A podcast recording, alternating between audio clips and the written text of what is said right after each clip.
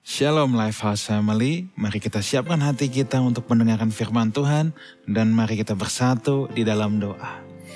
Bapa yang baik, kami mengucap syukur untuk kasih setia Tuhan, untuk kasih anugerah Tuhan kepada kami semua. Kami ada sebagaimana kami ada, kami menyadari semua ini hanya oleh karena kemurahan Tuhan saja. Itulah sebabnya Tuhan, kami tidak mau menyia-nyiakan. Selama kami hidup, kami mau terus belajar, kami mau terus memperbaiki diri kami. Kami terus mau semakin menjadi serupa dengan pribadi anakmu yang tunggal, Tuhan kami Yesus Kristus. Berbicaralah kepada kami, impartasikan semua hal yang baik, berikan kepada kami pewahyuan supaya hidup kami boleh diubahkan. Dalam nama Tuhan Yesus kami berdoa. Amin. Shalom saudaraku, pada kesempatan ini saya mau mengajak saudara merenungkan sebuah kebenaran firman Tuhan tentang kehilangan panggilan. Sesaat setelah Tuhan Yesus meninggal, saudara, atau mati di kayu salib, murid-murid seperti kehilangan arah. Murid-murid seperti lupa akan apa panggilan mereka yang sebenarnya. Murid-murid seperti anak ayam yang kehilangan induknya. Kenapa bisa begitu saudaraku? Kenapa bisa begitu? Padahal mereka sudah mengikuti Tuhan Yesus setiap hari selama tiga setengah tahun.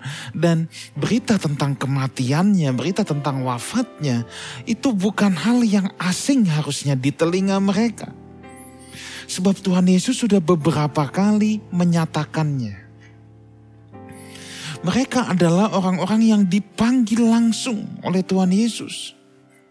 Tetapi justru ketika setelah peristiwa penyaliban mereka juga menjadi orang-orang yang paling galau, yang paling bimbang, menjadi orang-orang yang seperti kehilangan arah hidupnya. Dengar baik ini, saudaraku sejatinya ketika saudara dan saya, siapa pun kita, dipanggil menerima Tuhan Yesus sebagai Tuhan dan Juru Selamat. Sebenarnya kita semua telah memiliki panggilan itu jadi panggilan itu bukan hanya mirip uh, milik kedua belas murid. Panggilan itu bukan hanya milik para pendeta, para full timer, para pelayan Tuhan.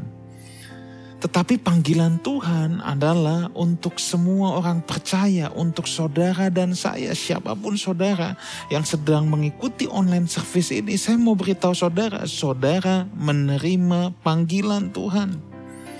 Menerima panggilan Tuhan bukan berarti saudara harus masuk sekolah Alkitab. Menerima panggilan Tuhan bukan berarti saudara harus jadi full timer, tetapi apa pun profesi saudara, saudara menerima panggilan Tuhan. Mungkin saudara bilang, pastor saya hanya ibu rumah tangga. Ya, saudara adalah ibu rumah tangga yang menerima panggilan Tuhan. Yang menjadi persoalan adalah ketika orang Kristen merasa dirinya tidak dipanggil.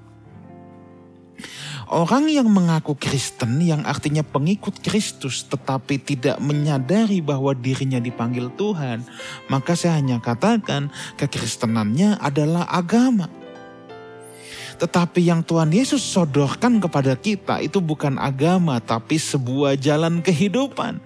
Jadi panggilan kita adalah panggilan untuk mengikuti jejak hidup Tuhan Yesus sebab kekristenan itu memang jalan hidup. Kekristenan adalah sebuah jalan kehidupan. Makanya panggilan kita adalah bukan untuk menjadi beragama Kristen. Tapi panggilan kita untuk mengikuti jejak hidup Tuhan Yesus. Itulah sebabnya saya harus katakan bahwa setiap saudara yang mengaku dirinya Kristen berarti pengikut Kristus. Saudara menerima panggilan Tuhan itu. Saya lanjutkan lagi saudara. Nah tetapi yang lebih repot lagi saudara, tadi yang pertama, kelompok pertama orang yang gak pernah menyadari bahwa dirinya dipanggil oleh Tuhan. Tapi ada kelompok kedua, ini yang dialami para murid saat itu. Bahwa mereka menyadari bahwa mereka menerima panggilan itu. Tapi mereka kemudian di tengah perjalanan mereka seperti nggak tahu arah, mereka mulai kehilangan arah mereka dan dalam tanda petik mereka mulai kehilangan panggilan mereka itu. Dan ini banyak dialami bukan hanya oleh para murid pada saat itu, tetapi juga dialami oleh kita hari-hari ini. Ada banyak orang percaya yang memasuki fase dalam tanda petik kehilangan panggilan itu. Dan banyak tokoh Alkitab yang mengalami hal itu juga. Jadi saya ulangi lagi kelompok pertama dari awal mereka nggak merasa aku nggak dipanggil, yang dipanggil mah tugas pendeta. No no no no, itu agama. Tapi kalau saudara menghidupi kekristenan sebagai jalan kehidupan, maka saya harus katakan setiap saudara dipanggil oleh Tuhan. Setiap saudara dipanggil oleh Tuhan.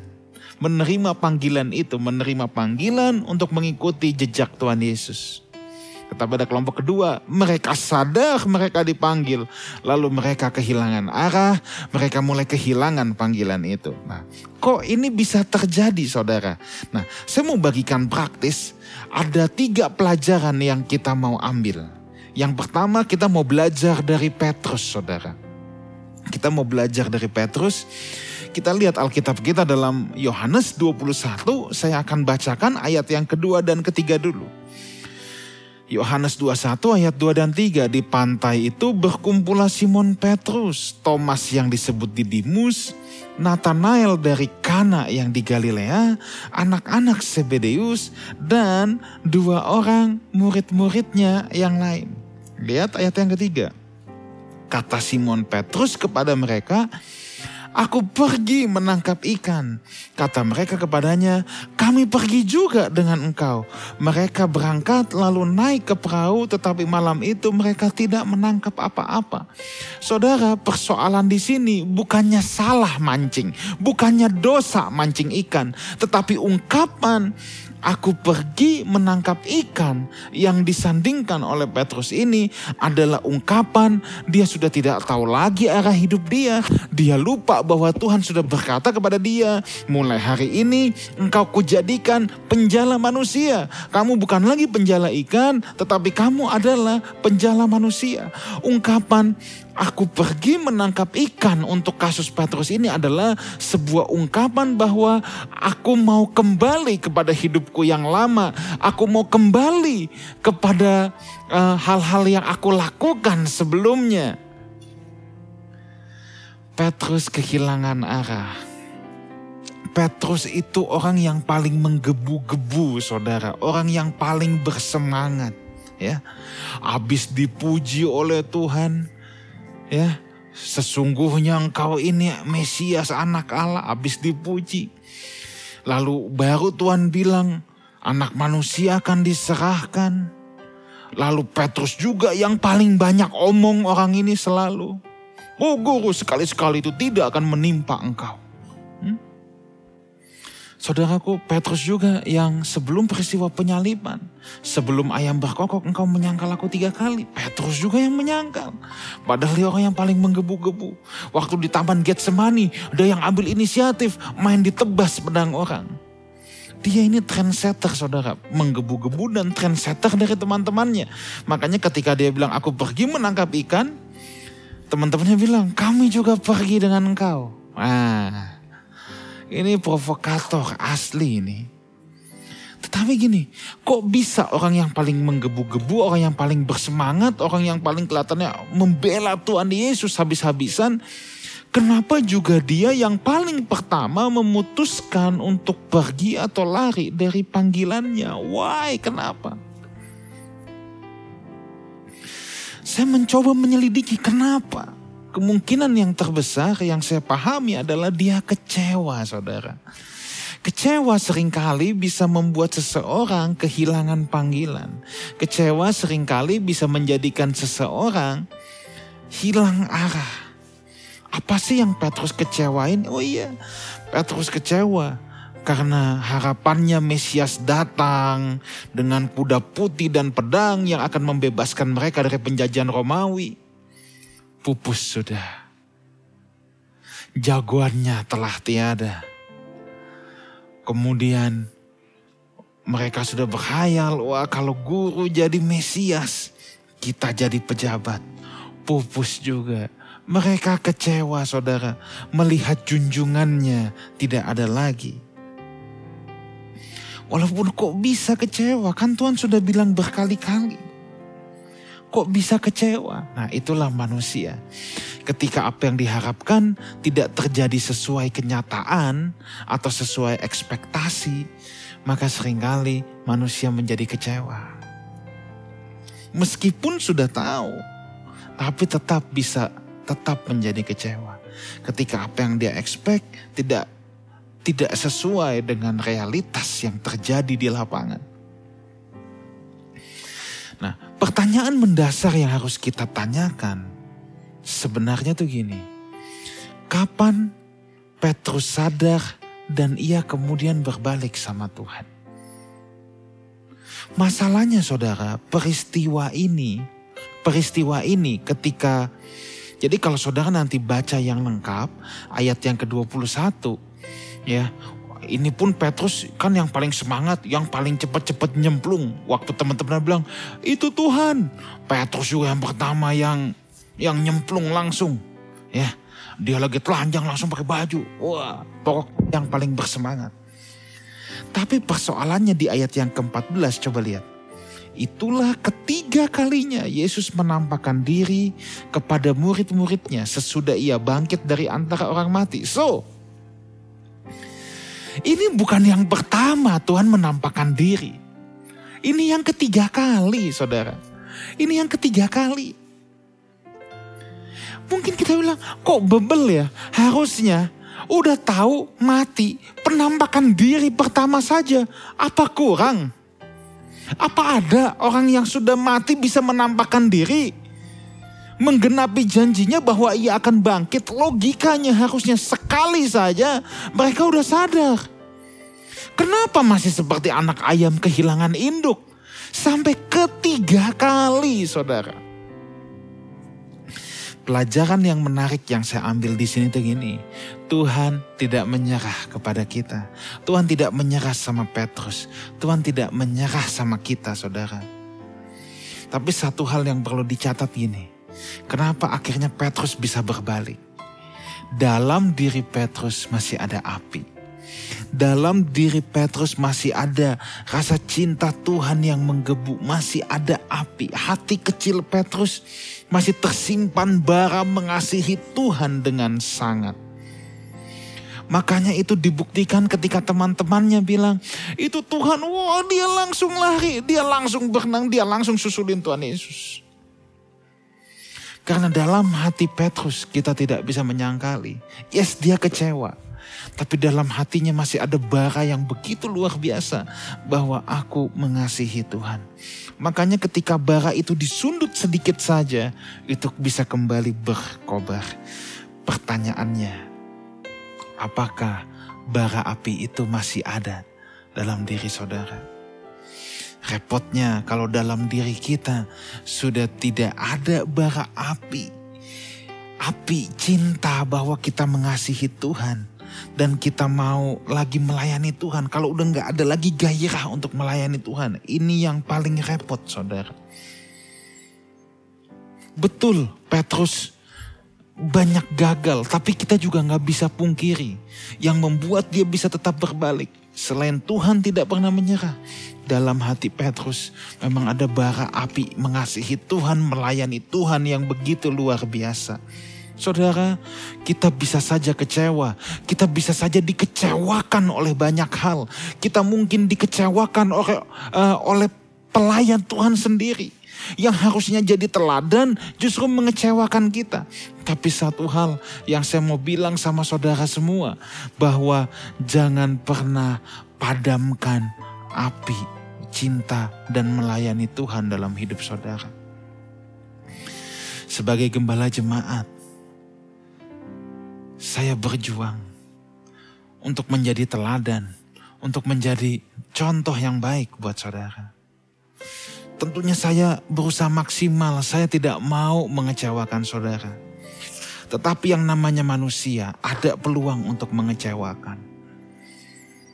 Walaupun sekali lagi saya berharap saya tidak mengecewakan. Dan saya serius untuk hal ini. Tapi kalaulah saudara satu hari kelak, saudara mungkin kecewa sama saya atas hal yang saya sendiri mungkin juga tidak menyadarinya.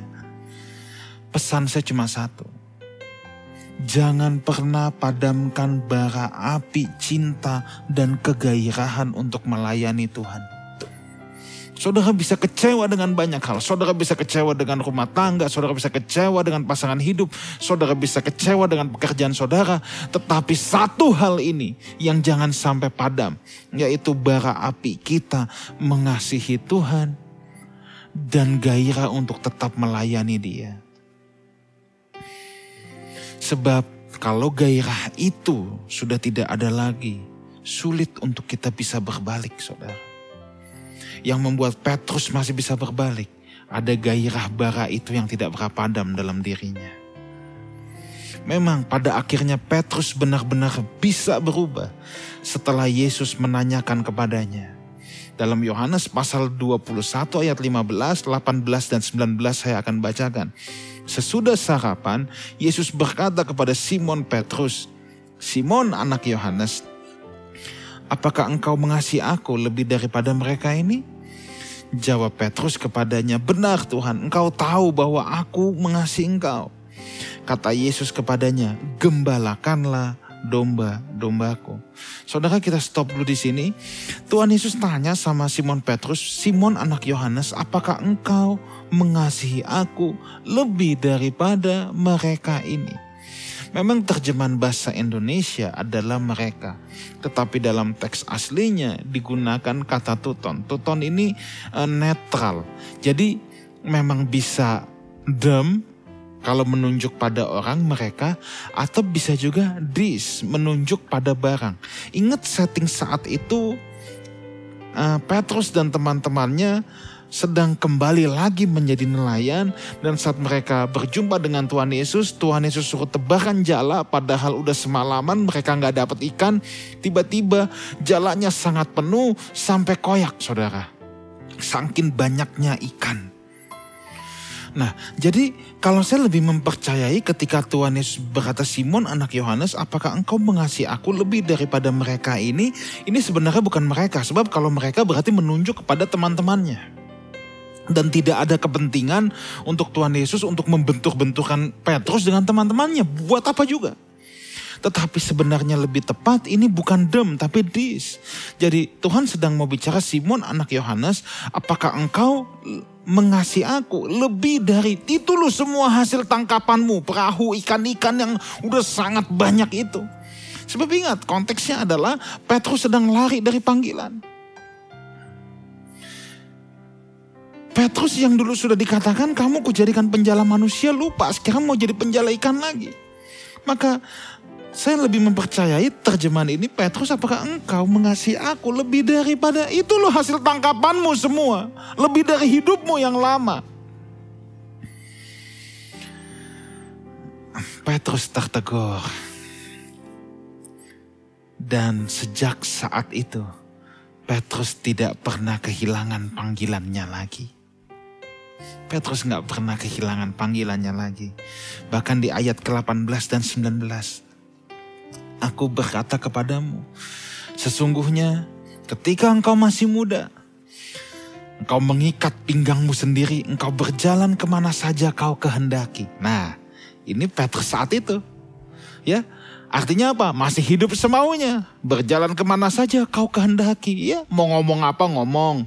Mau nyangkal nyangkal. Mau tebas pedang tebas. Mau pergi balik menangkap ikan pergi. Semua suka-suka. Tetapi jika engkau sudah tua, ini menunjuk pada masa tua Petrus engkau akan mengulurkan tanganmu dan orang lain akan mengikat engkau, membawa engkau ke tempat yang tidak kau kehendaki. Hidupnya menjadi tawanan, saudara. Ya, tentu menjadi tawanannya Tuhan. Ayat 19, hal ini dikatakannya menyatakan bagaimana Petrus akan mati dan memuliakan Allah. Sesudah mengatakan demikian, ia berkata kepada Petrus, ikutlah aku, follow me. Bukankah panggilan ikutlah aku adalah panggilan pertama kali Tuhan berjumpa dengan Petrus? Bukanlah ikutlah aku, seharusnya sudah diucapkan dari zaman dulu, saudara. Dan sejarah gereja membuktikan masa tua Petrus ketika kota Roma dibakar, orang Kristen dituduh yang membakar kota Roma. Semua orang lari dan Petrus juga ingin ikut lari. Petrus mau menyelamatkan dirinya. Tetapi di tengah-tengah pelarian, Petrus bertemu dengan sesosok orang yang dia tidak kenali, justru berjalan masuk ke dalam. Ketika dia melihat sosok orang itu, dia teringat akan gurunya dia teringat akan Tuhannya dan dia tidak jadi melanjutkan pelariannya. Dia justru kembali ke dalam kota. Dia ditangkap dan dia juga mau disalibkan seperti gurunya. Dan Petrus berkata, kalau guruku disalib kepala di atas, Aku tidak layak untuk itu. Petrus bukan lagi menjadi orang yang kehilangan panggilannya. Petrus bukan lagi menjadi orang yang pengecut. Justru dia berkata, kalau kau mau salibkan aku, salibkan aku dengan kepala di bawah.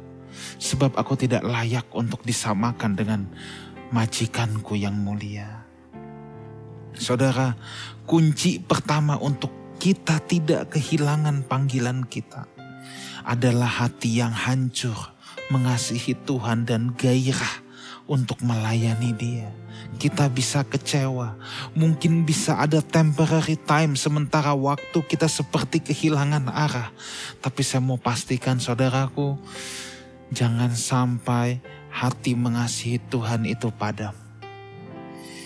Yang kedua, kita mau belajar dari Elia dalam satu Raja-Raja pasal 19 ayat 13 sampai 15. Saya hanya ingin cerita singkat saja. Elia habis mengalahkan 400 nabi Baal. Tapi kok dia bisa lari terbirit-birit saudara. ya Melarikan diri ke goa. Satu Raja-Raja 19 ayat 13. Segera sesudah Elia mendengarnya bahwa dia mau dibunuh sama Isabel ia menyelubungi mukanya dengan jubahnya, lalu pergi keluar dan berdiri di pintu gua itu. Maka datanglah suara kepadanya yang berbunyi, "Apakah kerjamu di sini, hai Elia?" Kamu ngapain? Kamu habis ngalahin 400 Nabi Baal, kenapa kamu ngumpet? Kata Tuhan, jawabnya, Aku bekerja segiat-giatnya bagi Tuhan Allah semesta alam. Karena orang-orang Israel meninggalkan perjanjianmu, meruntuhkan mesbah-mesbahmu, dan membunuh nabi-nabimu dengan pedang. Hanya aku loh Tuhan, seorang diri yang masih hidup. Dan sekarang mereka mau membunuh aku, mau mencabut nyawaku. Firman Tuhan kepadanya, pergilah kembalilah ke jalanmu melalui padang gurun ke Damsyik dan setelah engkau sampai engkau harus mengurapi Hazael menjadi raja atas Aram. Elia, nabi yang sangat gagah perkasa, bayangkan mengalahkan 400 nabi Baal. Tapi kok bisa ketakutan sama seorang perempuan yang namanya Isabel. Saudara bisa cari, kita sempat bahas di live talk tentang praktek sihir dalam gereja. Mungkin nanti kapan-kapan saya harus mengkhotbahkannya ya dengan lebih rinci. Kok bisa habis mengalahkan 400 nabi Baal eh takutnya sama wanita, seorang wanita Saudara. Isabel adalah lambang sihir. Tanpa sadar tanpa sadar Elia kena sihir. Kok bisa? Ya sihir di sini bukan nujum, bukan jampi-jampi saudara. Sihir yang dimaksudkan di sini adalah inti dari sihir itu ini. Manipulasi, intimidasi, dominasi. Orang yang melakukan praktek sihir itu bukan berarti pakai jampi-jampi, pakai hal-hal mistis, tetapi ketika seseorang berusaha memanipulasi orang lain supaya tujuannya tercapai, kemudian dia mengintimidasi, menakut-nakutin, seolah-olah kalau dia tidak menuruti apa yang dia katakan, maka akan terjadi celaka. Dan tujuan ultimate-nya adalah mendominasi, dia mau semua orang takluk sama dia. Dan sihir ini bisa terjadi di mana saja oleh siapa saja tanpa kita sadar. Misalnya kita ajak anak-anak Kita jalan-jalan ke mall, anak yang masih kecil. Dia ngerengek minta mainan. Lalu saudara bilang jangan, hari ini nggak boleh beli mainan dulu. Lalu dia mulai memanipulasi mamanya. Tadi bilang gak boleh beli mainan, dia mulai memanipulasi, membujuk. Ayo dong ma, kali ini aja enggak, mama udah bilang hari ini enggak. Tapi anak-anak pun bisa berusaha memanipulasi orang tuanya supaya orang tuanya mau beliin. Kalau manipulasi udah nggak mempan, dia bisa bisa bisa berubah jadi intimidasi. Sekarang cara soft nggak bisa, dia guling-gulingan di lantai, dia nangis, dia jerit-jerit, dia bikin orang tuanya malu. Tujuannya hanya satu, dia ingin mendominasi. Apa yang dia inginkan harus tercapai. Lihat, Elia begitu ketakutan. Elia terkena sihir dari Isabel. Elia hampir kehilangan panggilannya. Bayangkan seorang nabi yang perkasa mengalahkan 400 nabi Baal bisa lari terbirit-birit ngumpet di dalam goa. Bayangkan saudara. Seperti anak ayam kehilangan induk. Kok bisa kena sihir rupanya. Kena sihir rupanya. Dan ayat 15 buat saya itu kata-kata profetik. Pergilah, kembalilah ke jalanmu. Kembalilah ke panggilanmu. Ini setara dengan apa yang Yesus ucapkan ke Petrus ikutlah aku, follow me. Sebuah ajakan untuk kembali kepada panggilan. Orang yang sedang terkena sihir, ya, firman Tuhan harus datang kepadanya. Dia harus kembali disadarkan oleh firman Tuhan. Kembalilah ke panggilanmu. Kembalilah ke panggilanmu. Saudara, setiap saudara pasti dipanggil Tuhan secara unik tujuan panggilan utama kita tadi di awal saya sudah katakan menjadi seperti Kristus. Tetapi dalam proses perjalanan untuk menjadi seperti Kristus ini, kita semua mengalami atau memasuki rute-rute yang berbeda ada yang dipanggil sebagai ibu rumah tangga penuh waktu, ada yang dipanggil sebagai pelayan Tuhan penuh waktu, ada yang dipanggil sebagai bisnismen, ada yang dipanggil sebagai lawyer, ada yang dipanggil sebagai dokter. Itu tidak menjadi persoalan. Di mana pun Tuhan memanggil saudara, dengar baik suara Tuhan ini, kembalilah kepada panggilanmu. Tapi aku tetap jadi dokter kok pastor. Ya. Orang bisa kehilangan panggilan. Sementara dia tetap menjalani profesi. Ketika dia menjalani profesi itu semuanya hanya untuk kepentingan dia. Hanya untuk memuaskan dagingnya. Maka dia mulai kehilangan panggilannya. Kita bisa kena sihir di mana saja, saudara, di mana saja. Kita bisa terkena manipulasi, kita bisa terkena penipuan. Itulah sebabnya kita harus berakar kuat dalam firman Tuhan. Tidak banyak para pengkhotbah yang juga memanipulasi jemaat. Maka selalu saya katakan, Lifehouse Community, saya pelatih saya hanya melatih saudara. Saya tidak boleh memperdayakan saudara. Saya harus memberdayakan saudara. Harus diberdayakan, bukan diperdaya saudara. Saya pelatih, saya tidak boleh memanipulasi saudara untuk kepentingan saya. Apalagi kalau saya sampai mengintimidasi saudara. Itu tidak pernah boleh saya lakukan. Saya tidak boleh mengintimidasi siapa pun saudara. Seolah-olah kalau saudara tidak menuruti apa yang saya katakan, maka saudara bisa kena celaka, saudara bisa kena kutuk. No. Saya pelatih, saudara yang harus mencari Tuhan lebih giat lagi.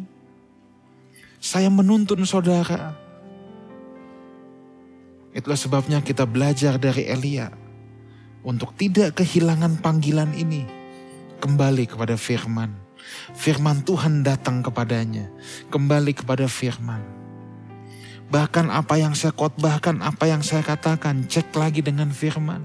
Itu sebabnya saudara harus belajar firman. Apa pun profesi saudara, saudara harus belajar firman. Belajar firman di sini tentunya bukan sekolah Alkitab saudara ya. Tetapi saudara merenung mengunyah firman Tuhan setiap hari. Saya percaya orang yang merenung mengunyah firman Tuhan sekalipun dia nggak tahu bahasa Yunani, nggak tahu bahasa Ibrani, tetapi kalau dia mendengar pengajaran yang salah, dia bisa peka, saudara. Dia bisa peka. Dan di sini, ketika firman Tuhan datang, kembalilah ke jalanmu. Pergi dan kembalilah, kembalilah ke panggilanmu. Yang ketiga, yang terakhir, kita belajar dari Demas. Siapakah Demas? Demas adalah rekan Paulus. Demas tiga kali disebutkan dalam Alkitab, saudara yang pertama dalam Kolose 4 ayat 14, salam kepadamu dari tabib Lukas yang kekasih dan dari Demas. Tuh, lihat. Ini Paulus yang katakan. Lalu di Filemon pasal uh, ayat 23 24 juga. Salam kepadamu dari Eprafas temanku sepenjara karena Kristus dan dari Markus Aristarkus, Demas dan Lukas. Jadi ini satu geng nih Lukas, Lukas, Demas, Paulus. Ini satu geng semua teman-teman pelayanan saudara. Tetapi ada hal yang tidak enak. Di 2 Timotius 4 ayat yang ke-10. Karena Demas telah mencintai dunia ini dan meninggalkan aku. Ia telah berangkat ke Tesalonika Kreskes telah pergi ke Galatia dan Titus ke Dalmatia. Tetapi yang ditekankan di sini, Demas telah mencintai dunia dan meninggalkan aku. Saudaraku, mencintai dunia bisa membuat kita kehilangan panggilan Tuhan dalam hidup kita. Begitu banyak pelayan Tuhan yang pada awalnya baik. Bahkan mau katakan, semua orang awalnya tidak ada yang bercita-cita jadi jahat Mau pelayan Tuhan, mau bukan. Tidak ada yang bercita-cita jadi penjahat. Awalnya semua baik, semua uh, semua memulai pelayanan, memulai jalan hidupnya, sepak terjang hidupnya, semua pasti bercita-cita jadi orang yang baik. Tetapi mencintai dunia itu bisa membuat orang itu kehilangan panggilan. Mencintai dunia dimulai ketika keindahan dunia menarik kita dan kita mulai menjadikan itu sebagai tujuan hidup.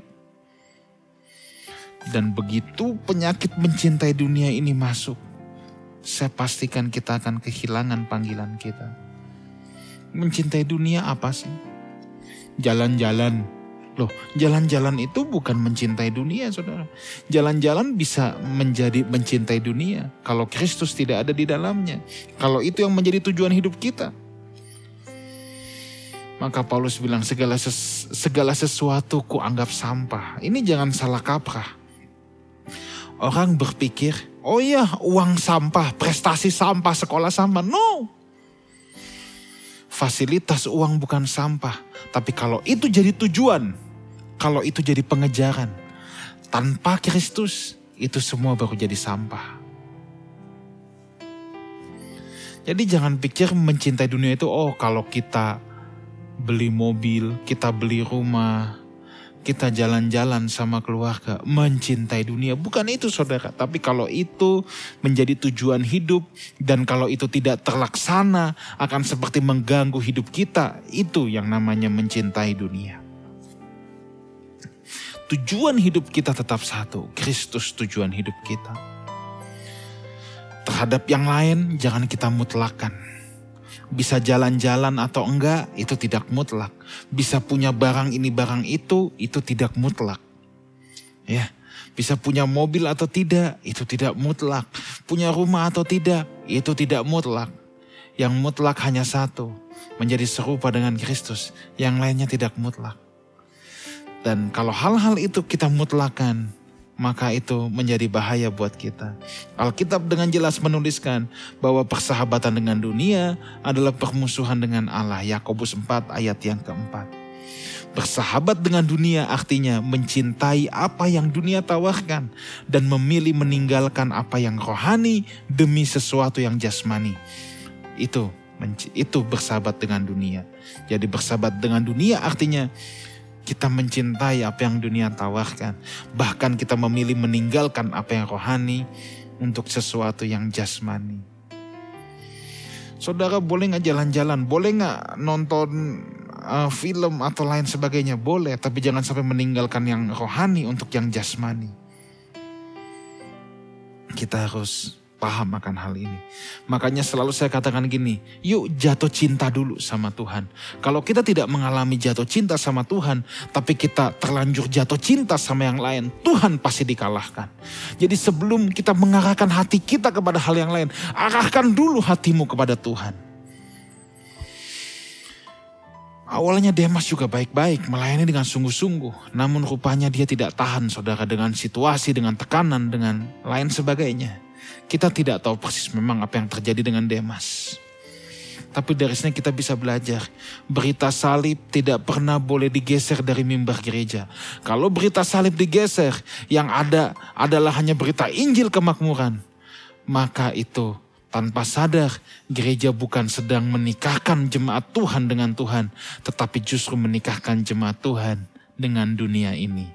Mari kita realign panggilan kita, kita refokus hidup kita supaya kita tidak kehilangan panggilan kita. Tuhan Yesus menyertai kita semua. Mari kita berdoa. Bapa dalam surga, terima kasih untuk kebenaran firman-Mu. Mungkin ada masa-masa di mana kami seperti anak ayam kehilangan induk. Mungkin bisa ada fase-fase dalam hidup kami. Kami seperti bimbang dan galau. Tetapi Hamba berdoa Tuhan, kami mau realign lagi hidup kami.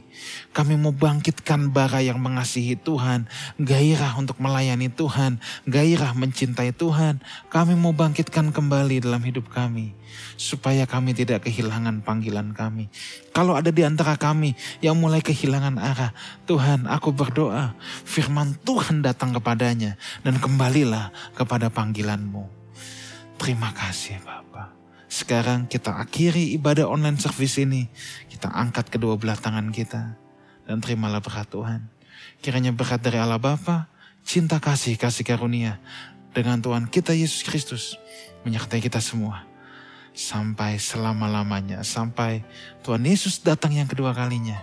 Menjemput orang-orang yang hidup berkenan di hadapannya. Sama-sama kita katakan, amin. Happy Sunday, God bless you all.